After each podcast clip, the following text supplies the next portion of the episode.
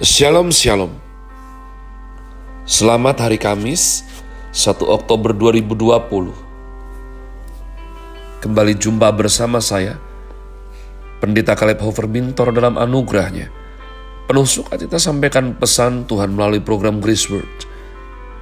Yakni suatu program renungan harian yang disusun dengan disiplin kami doakan dengan setia supaya makin dalam kita beroleh pengertian mengenai iman, pengharapan, dan kasih yang terkandung dalam Kristus Yesus sungguh merupakan kerinduan saya bagi saudara sekalian agar supaya kasih dan kuasa firman Tuhan setiap hari tidak pernah berhenti menjamah hati kita, menggarap pola pikir dan paling utama kehidupan kita boleh sungguh berubah makin serupa kepada Kristus Yesus.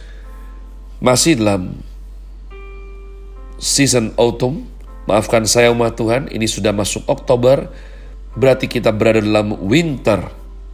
Ya. Dalam season winter dengan tema movement. Grace Word hari ini saya berikan judul doa Bapa kami bagian ke-28. Doa Bapa kami bagian yang ke-28. Mari sekali lagi kita membaca Matius pasal 6 ayat 9 dan 10. Karena itu berdoalah demikian, Bapa kami yang di sorga, dikuduskanlah namamu, datanglah kerajaanmu, jadilah kehendakmu, di bumi seperti di sorga. Datanglah kerajaanmu, jadilah kehendakmu, di bumi seperti di sorga. Dua hari yang lalu kita berbicara mengenai suatu kehidupan yang pasti berakhir umat Tuhan. Nafas yang terakhir, jantung berdetak terakhir kali. Ini merupakan suatu kenyataan yang harus saudara dan saya persiapkan dengan sebaik-baiknya.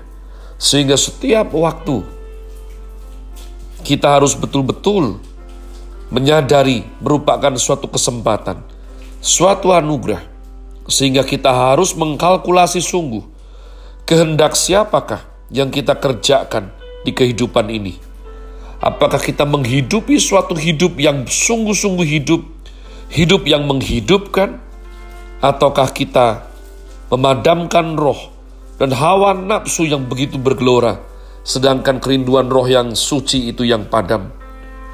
Di Gerika ada dua pemahat terbaik,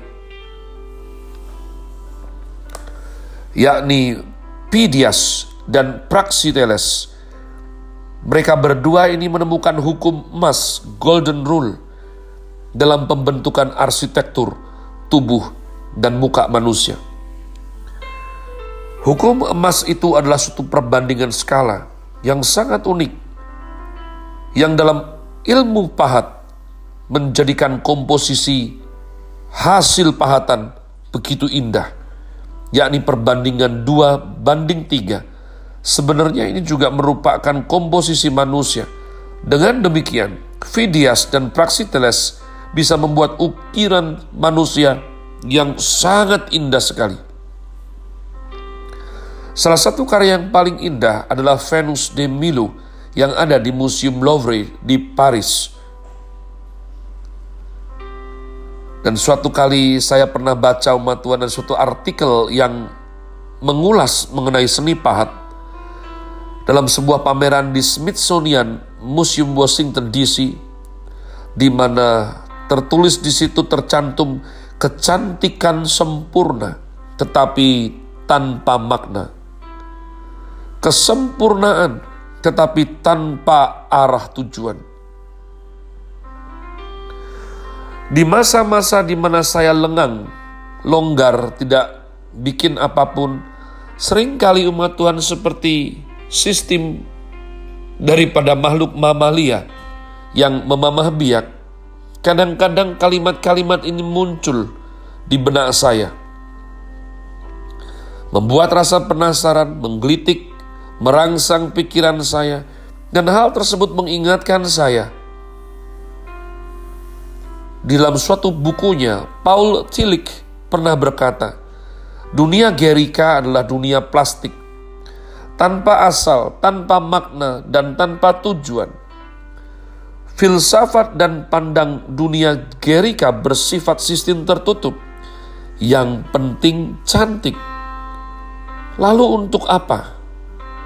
Mengapa ada kecantikan tanpa makna, tanpa tujuan? Ketika para seniman yang handal ini mengukir laki-laki, mereka mengukir Apollo Belvedere. Ini dianggap ukiran pria yang paling ganteng, paling detail, paling indah di sepanjang sejarah, tetapi tetap tanpa arah.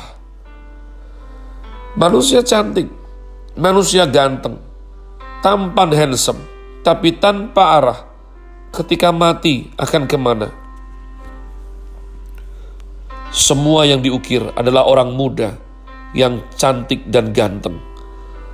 Dengan detail daripada organ-organ tubuh seksualitas yang begitu sempurna umat Tuhan. Sehingga seolah-olah tanpa sadar menjadi standar, menjadi kehendak yang diikuti. Bahkan sampai sekarang teknologi maju begitu luar biasa sehingga ada bedah plastik. Bedah plastik mengerjakan kehendak manusia. Kehendak untuk terus muda, kehendak untuk terus tampan, kehendak untuk terus cantik dan seksi dan menarik. Nanti kalau sudah tua menjadi jelek sekali, tapi tidak mau tua, melawan tua. Terus, terus inilah kehendak yang didengung-dengungkan di dunia ini. Namun ketika saudara belajar sejarah daripada seni, pahat lukis, ya, maupun seni yang indah-indah seperti itu, maka 2400 tahun kemudian, orang-orang Renaissance menggabungkan pikiran Gerika dengan pikiran Kristen. Kekristenan sendiri di tengah rai tidak menghasilkan karya yang terlalu cantik pada abad pertama karena terlalu memeningkan aspek rohaninya. Kita ketika melihat Michelangelo mengukir patung Daud yang sedang mau berperang melawan Goliat. Maka saudaraku, engkau dan aku yang awam saja akan melihat bagaimana keindahan seni Gerika diberikan arah, diberikan tujuan, diberikan makna. Tidak hanya ganteng saja, tidak hanya menonjolkan organ seksualitas yang ya yang kita ini apa ini maksudnya? Tidak. Patung Daud diukir Michelangelo sangat berekspresif sekali. Dinamikanya terlihat dalam ukiran tersebut.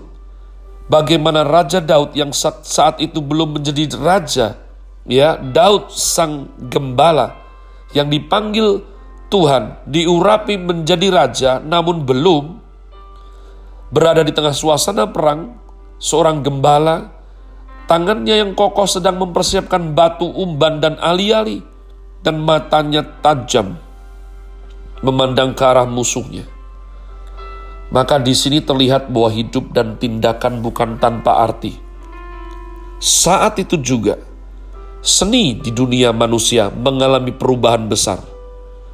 Kita perlu mempelajari seni dan sejarahnya, supaya kita bisa mengerti perbedaan di setiap zaman Pandangan Daud yang begitu tajam mengungkapkan suatu semangat perjuangan, fighting spirit yang dimiliki oleh orang-orang Kristen yang percaya Tuhan. Inilah harusnya menjadi semangat perjuangan para murid Kristus. Ya, orang-orang yang sungguh mengasihi Tuhan, sayang sama Tuhan. Ketika kita melihat mata Daud dalam pahatan patung hasil karya Michelangelo tersebut, kita melihat bagaimana ia sedang memandang Goliat seolah berkata, Siapakah kamu, orang kafir yang tidak disunat? Mengapa engkau menghujat Tuhan Allahku?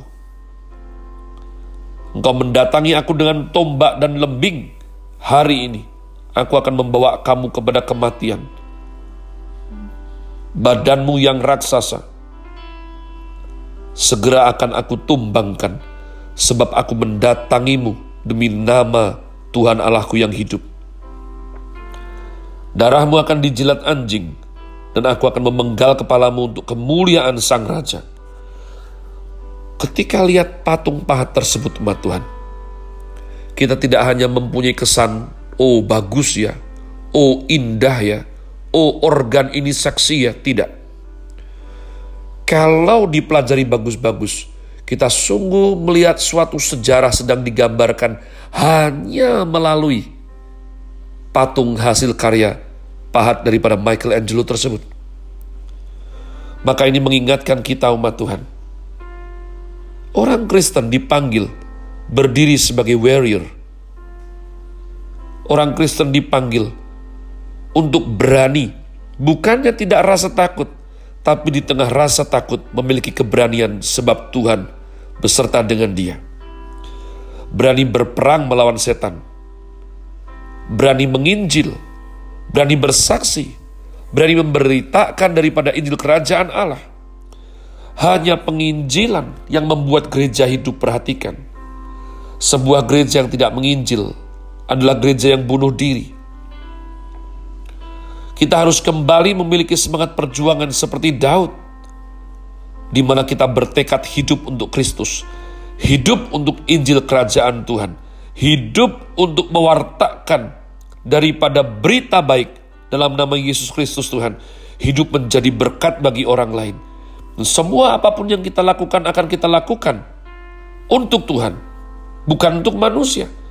Dengan demikian, akan banyak orang mendapatkan manfaat melalui Injil yang direpresentasikan melalui kehidupan kita.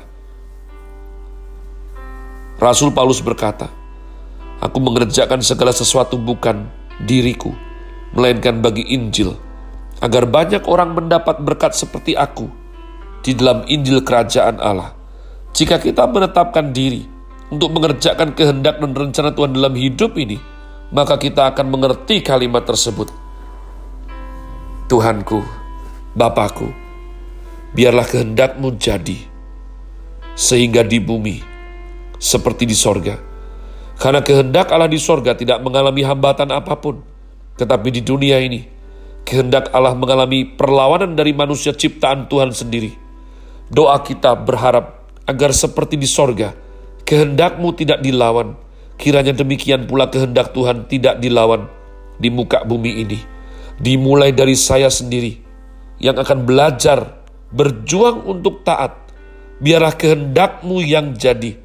Sehingganya kiranya seluruh dunia mulai terpengaruh dan mulai belajar tidak melawan kehendak Tuhan, belajar untuk tidak memberontak, dan sungguh-sungguh bersedia membiarkan kehendaknya saja yang terjadi, sehingga hidup kita sementara memang masih di bumi, namun seperti di sorga. Saya berdoa sungguh-sungguh supaya ini boleh menjadi suatu semangat kebangkitan. Sehingga kekristenan yang saudara dan saya emban, ini hidup dan berkuasa. Have a nice day. Tuhan Yesus memberkati saudara sekalian. Sola. Grazie.